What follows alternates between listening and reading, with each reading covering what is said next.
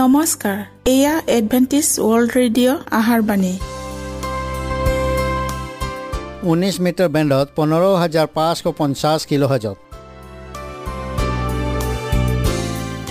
Adventist world radio যোগে অসমীয়া ভাষাত প্ৰচাৰিত আহাৰবাণী প্ৰত্যেক বুধবাৰ আৰু দেওবাৰ সন্ধিয়া সাত বজাত আহাৰবাণী শুনাৰ পিছত আপোনালোকৰ কিবা মন্তব্য আৰু প্ৰশ্ন থাকিলে আমালৈ এই ঠিকনাত লিখক। আমাৰ ঠিকনাটি হৈছে Adventist World Radio' seven day Adventist মণ্ডলী অসম শাখা লতাকাটা বশিষ্ট গুৱাহাটী সাত আঠ এক শূন্য দুই ন।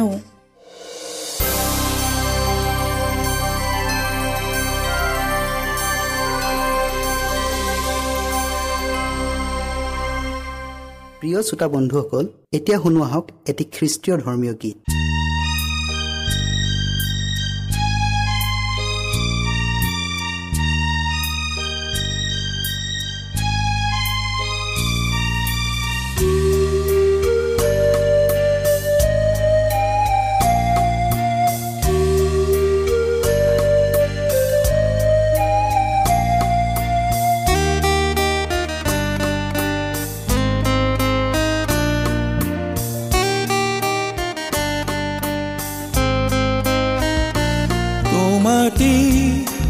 অৰ্পণ কৰো প্ৰভু জীৱনৰে প্ৰতিটো ক্ষণ তোমাকে আঁঠুলৈছো প্ৰভু।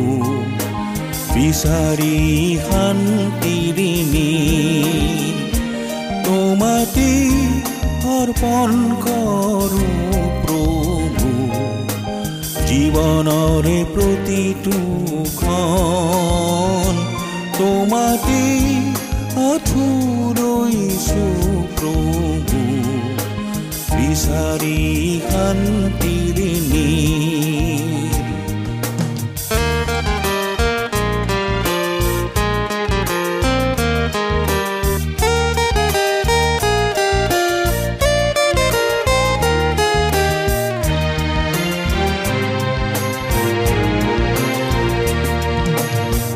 ভাৱৰ প্ৰতিটো বিন্দু মোৰ অৰ্পণ কৰোঁ তোমাকে। ভাৱৰ প্ৰতিটো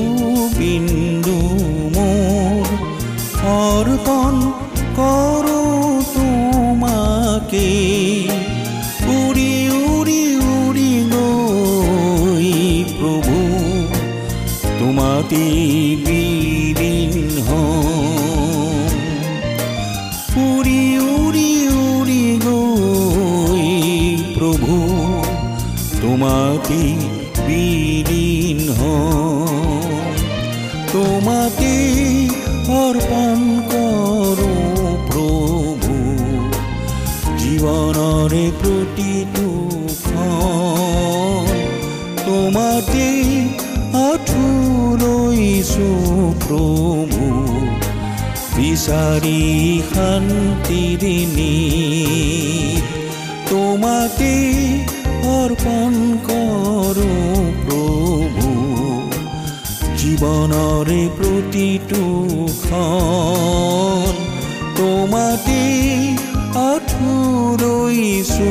প্ৰভু বিচাৰি শান্তিৰে নীৰ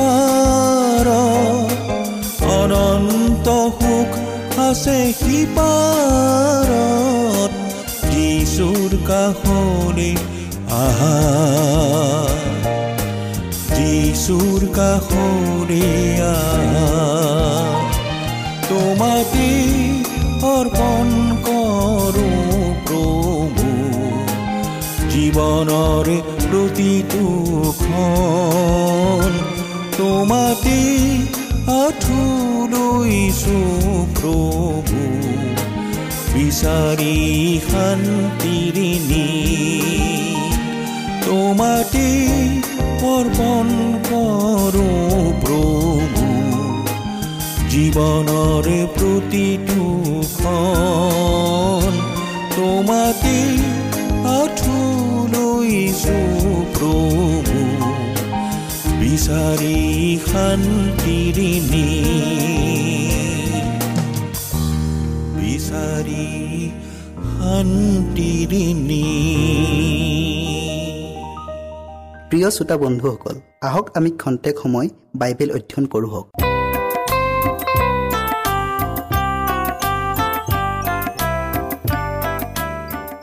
বিষয় হৈছে তোমাৰ বাক্যই সত্য।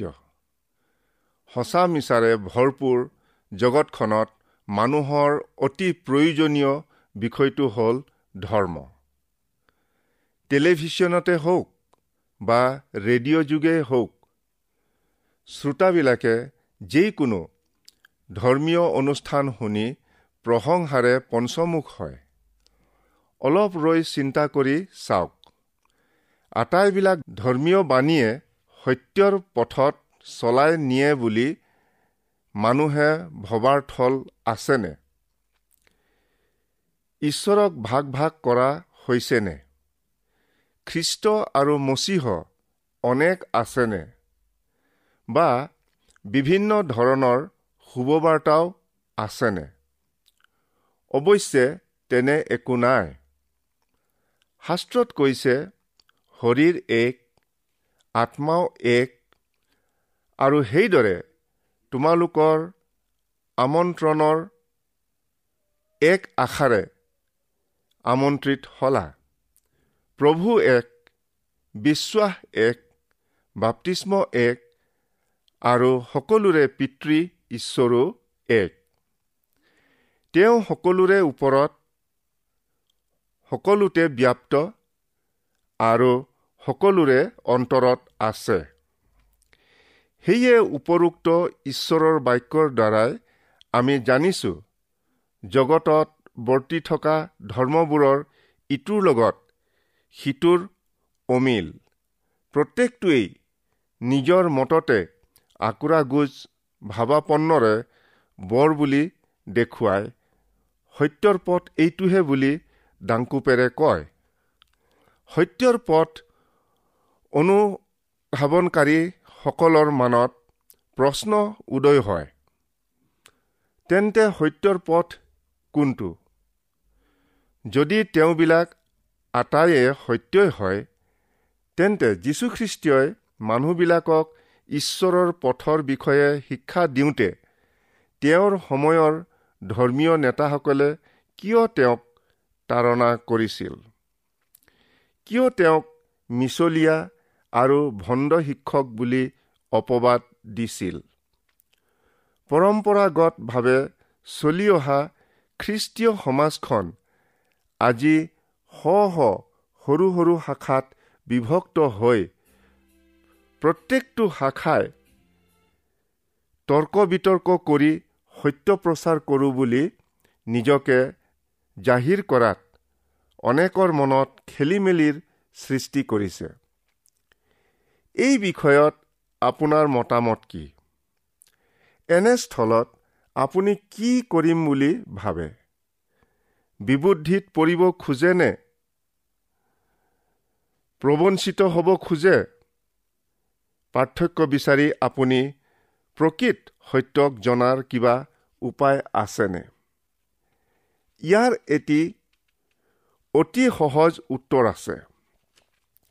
ঈশ্বৰ বিশ্বাসী আৰু সত্যৰ অন্বেষণকাৰীজনে ঈশ্বৰৰ পবিত্ৰ বাক্যত লিখা কথাবোৰ বিশ্বাস কৰি সেইমতে চলিব। প্ৰকৃত খ্ৰীষ্টিয়ানজনে পবিত্ৰ বাইবেলৰ শিক্ষা প্ৰতিবাদ কৰি নিজৰ অভিমতত নচলিব। আৰু এইটোৱেই হৈছে সেই পথ।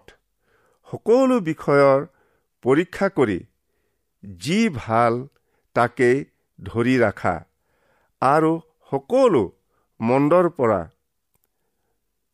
পৃথকে থাকা।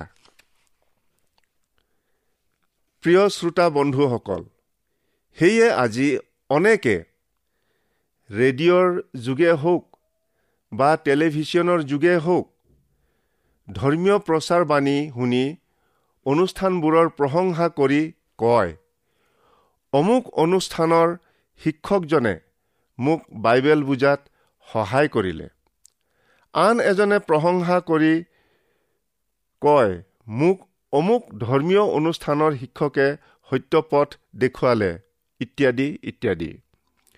প্ৰকৃততে এই শ্ৰোতাসকলে কোনো দিনেই ঈশ্বৰৰ পবিত্ৰ বাক্য বাইবেল অধ্যয়ন নকৰাৰ ফলত যিয়ে যিটো কয় তাকেই শুনি বিশ্বাস কৰে। যীশুৱে কৈছে তোমালোকে ধৰ্মশাস্ত্ৰৰ কথা বিচাৰা। সেই শাস্ত্ৰত তোমালোকৰ অনন্ত জীৱন আছে। হয় খ্ৰীষ্টিয়ান হিচাপে জগতত আটাইকে আমি প্ৰেম কৰিব লাগে। সেই বুলিয়েই অযুক্তিকৰ কথা বা শিক্ষা কোনোৰূপেই মানি ল'ব নোৱাৰি। ঈশ্বৰে মিছাক ঘীন কৰে। ছয়তানে ঈশ্বৰৰ পবিত্ৰ বাক্যক ভাজ দিয়াৰ নিমিত্তে তাক ঘীন কৰে। যীশুৱে কৈছে কোনেও দুজনা গৰাকীত খাটিব নোৱাৰে। বহু ঘটনাৰ অভিজ্ঞতা থকা স্বত্তেও মই এইখিনিতে কেৱল এটা সত্য ঘটনা উল্লেখ নকৰি নোৱাৰিলোঁ। কোনো এজন ব্যক্তিয়ে বিভিন্ন ধৰ্মীয় অনুষ্ঠানৰ পৰা ভালেমান ধৰ্ম সম্বন্ধীয় পুস্তিকা গোটাই অধ্যয়ন কৰি পালে। এজনে কিবা এটা ক'লে আনজনে কিবা এটা বিপৰীত কথা কয়। এতিয়া মই বিমূৰত পৰিছোঁ। কিছুমানে কয় নতুন আকাশমণ্ডল আৰু পৃথিৱী এইখন ধৰাতে হ'ব। আন কিছুমানে কয় আন কোনোবা গ্ৰহতহে নতুন পৃথিৱী হ'ব। এতিয়া মই কাক বিশ্বাস কৰিম? এয়া উত্তম প্ৰশ্ন। উত্তৰত ক'ব পৰা যায় পবিত্ৰ বাইবেল শাস্ত্ৰখন অধ্যয়ন নকৰে কিয়? তাতেই সকলো বিষয় সঠিক উত্তৰ পোৱা যায়। তেওঁবিলাকে সত্যৰ উৎস নাজানি স্বয়ং ভ্ৰান্ত হৈছে। যীশুৱে কৈছে তেওঁবিলাক অন্ধ পথ প্ৰদৰ্শক অন্ধই অন্ধকক বাট দেখুৱালে। দুয়ো খাৱৈত পৰিব।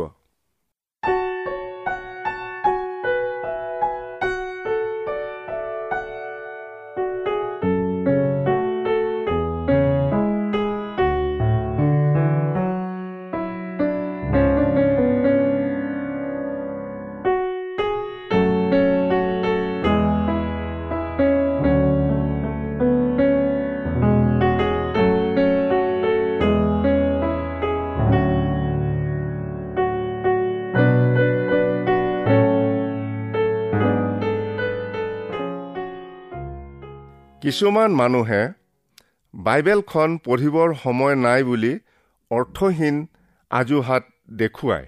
যদি তেওঁবিলাকে শাৰীৰিক যতন ল'বৰ সময় পায় তেন্তে আত্মিক পৰিপুষ্টিৰ কাৰণে বাইবেল অধ্যয়নৰ সময়ো নিশ্চয় পাব। প্ৰিয় শ্ৰোতা বন্ধুসকল মন কৰিছেনে? তেওঁবিলাকে বাতৰি কাকত পঢ়িবলৈ সময় পায় বাহিৰা উপন্যাস পঢ়িবলৈ সময় পায় টেলিভিশ্যন চাবলৈ আৰু ৰেডিঅ' শুনিবলৈ সময় পায় কিন্তু বাইবেলখন পঢ়িবলৈ সময় নাপায়। ই কেনে দুখৰ বিষয়? পক্ষপাত ভাৱ নাৰাখি। ঈশ্বৰৰ বাক্য অধ্যয়ন কৰক। শাস্ত্ৰত উল্লেখিত বিৰয়া নগৰৰ মানুহবিলাকে ঈশ্বৰৰ ঈশ্বৰ বিষয়ক কিবা নতুন কথা শুনিলে সম্পূৰ্ণ আগ্ৰহেৰে বাক্য গ্ৰহণ কৰি এইয়ে হয় কি নহয় তাক জানিবলৈ নিতৌ নিতৌ শাস্ত্ৰ আলোচনা কৰিছিল। শাস্ত্ৰখন অধ্যয়ন কৰিলে ঈশ্বৰৰ বাক্যৰ সৈতে নিজৰ মতামত জড়িত নকৰিব। ঈশ্বৰে কৈছে মই তোমালোকক যি যি আজ্ঞা কৰিছোঁ তোমালোকে সেই সকলোকেই পালন কৰি সেইমতে কাৰ্য কৰিবা। তোমালোকে তাত কোনো কথা যোগ নকৰিবা বা তাৰ পৰা কোনো কথা কম নকৰিবা। প্ৰিয় শ্ৰোতা বন্ধুসকলে হয়তো ক'ব এয়া পুৰণি নিয়মৰ ইব্ৰিয়াবিলাকৰ প্ৰতি দিয়া বিধি আছিল। এতিয়া সেইবোৰ শেষ হোৱাত প্ৰয়োজন নাই। আপুনি তেনে ভাবিছে কিয়? ঈশ্বৰৰ প্ৰকাশিত বাক্য পুৰণি নিয়মখন উঠাই দিলে বুলি কোৱাৰ প্ৰমাণ আপোনাৰ আছেনে? পুৰণি আৰু নতুন নিয়মৰ বিষয়ে শাস্ত্ৰই কি কৈছে? পঢ়ক। উভয় শাস্ত্ৰই ঈশ্বৰ নিশ্বাসিত আৰু যাতে ঈশ্বৰৰ মানুহ সিদ্ধ আৰু সকলো সৎকৰ্মৰ নিমিত্তে সুসজ্জিত হ'ব পাৰে। তাৰ কাৰণে শিক্ষাৰ অনুযোগৰ পতীত উত্থাপনৰ আৰু ধাৰ্মিকতা সম্বন্ধীয় শাসনৰ অৰ্থে লাভজনক। উভয় শাস্ত্ৰ অৰ্থাৎ পুৰণি নিয়ম আৰু নতুন নিয়মৰ অৰ্থ বুজি পোৱা হ'লে আজি খ্ৰীষ্টীয় মণ্ডলী ছিন্ন ভিন্ন নহলহেঁতেন। যীশুৱে তেওঁৰ বাক্যত মানুহৰ মতামতৰ কোনো বাহিৰা কথা যোগ বিয়োগ কৰিবলৈ শিকোৱা নাই। এই পুস্তকৰ ভাৱবাণীৰ বাক্য শুনা প্ৰতিজনলৈ মই এই সাক্ষ্য দি কৈছো কোনোৱে যদি এই বাক্যবোৰত কিবা যোগ কৰে তেন্তে এই পুস্তকত লিখা উৎপাতবোৰো ঈশ্বৰে সেইজনত যোগ কৰিব। আৰু কোনোৱে যদি এই ভাৱবাণীৰ পুস্তকৰ বাক্যবোৰৰ পৰা কিবা গুচাই তেন্তে এই পুস্তকত লিখা জীৱন বৃক্ষ আৰু পবিত্ৰ নগৰৰ পৰা ঈশ্বৰে তেওঁৰ ভাগ গুচাব। পবিত্ৰ বাইবেলখন কাৰো মনৰ দুষ্ট অভিলাষ পূৰণৰ অৰ্থে লিখা নাই। ৰজা চলোমনে কৈছে ঈশ্বৰৰ প্ৰত্যেকজন বচন শুদ্ধ তেওঁৰ বাক্যৰ লগত আন কথা নলগাবা। লগালে তেওঁ তোমাক দুখিব তাতে তুমি মিছলীয়া হবা। আজি অনেকে কয় মোৰ পিতৃ মাতৃৰ যি বিশ্বাস মোৰ ককা দিনৰ যি বিশ্বাস মোৰ আজোককা দিনৰ যি বিশ্বাস যদি তেওঁবিলাকে এই বিশ্বাসৰ দ্বাৰাই উপকৃত হৈছিল তেনেহ'লে মোৰ নিমিত্তেও ই নিশ্চয় উপকাৰ সাধন কৰিব। পৰম্পৰাগতভাৱে চলি বিশ্বাস কৰি অহা ধৰ্মক বাইবেলে কিবা এটা ক'লেই এৰি দিমনে? আপুনি অতি সাধুতাৰে কওকচোন আপোনাৰ এনেকুৱা টুলুঙা যুক্তি ঈশ্বৰে গ্ৰাহ্য কৰিবনে? ঈশ্বৰৰ বাক্যই কৈছে কোনো কোনো পথ মানুহৰ দৃষ্টিত সৰল বোধ হয় কিন্তু শেষত সেয়ে মৃত্যুৰ পথ।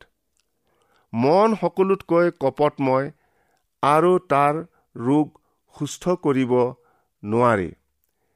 এতেকে প্ৰিয় শ্ৰোতা বন্ধুসকল ঈশ্বৰৰ পবিত্ৰ বাক্যত নিৰ্ভৰ কৰি যীশুখ্ৰীষ্টত বিশ্বাসৰ দ্বাৰাই তেওঁৰে পথত চলো হওক কাৰণ তৃণ শুকাই যায় আৰু ফুলো সৰে কিন্তু প্ৰভুৰ বাক্য অনন্তকাললৈ থাকে। অনন্তকাল থাকে।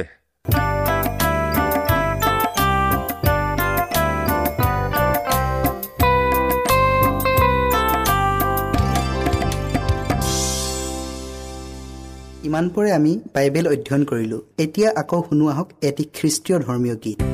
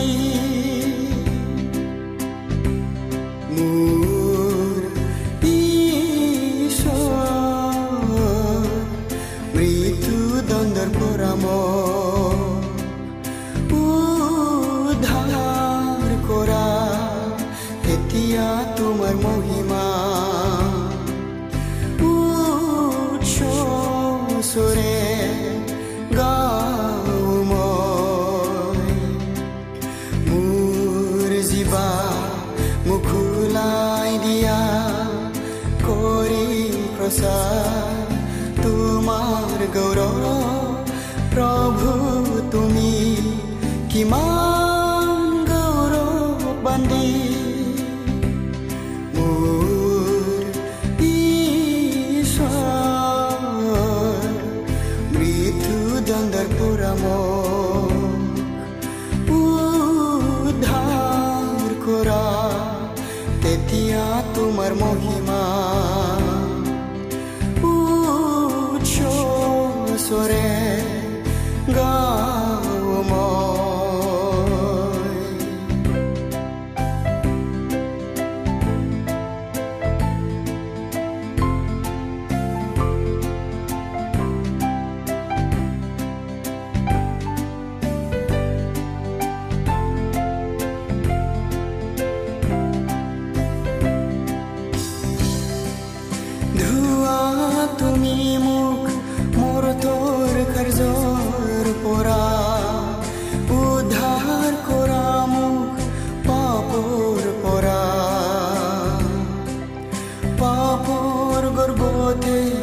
John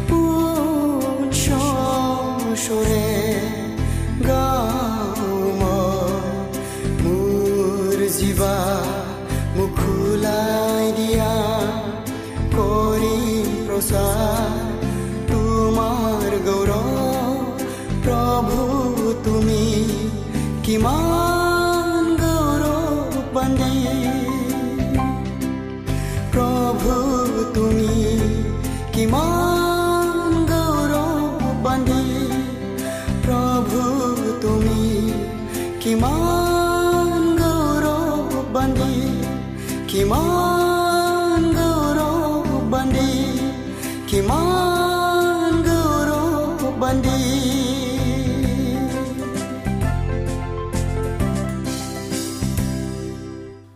ৰাখিব আমাৰ ঠিকনাটি পুনৰ কৈ দিছোঁ। Adventist World Radio' Assam region of seven day Adventist voice of hope Latakata Basistha Guwahati seven eight one zero' two nine প্ৰিয় শ্ৰোতা বন্ধুসকল এডভেণ্টিজ ৱৰ্ল্ড ৰেডিঅ' যোগে আহাৰবাণী প্ৰচাৰত আপোনালোকক পুনৰ লগ পোৱাৰ আহাৰে আজিলৈ সামৰিলোঁ। ধন্যবাদ।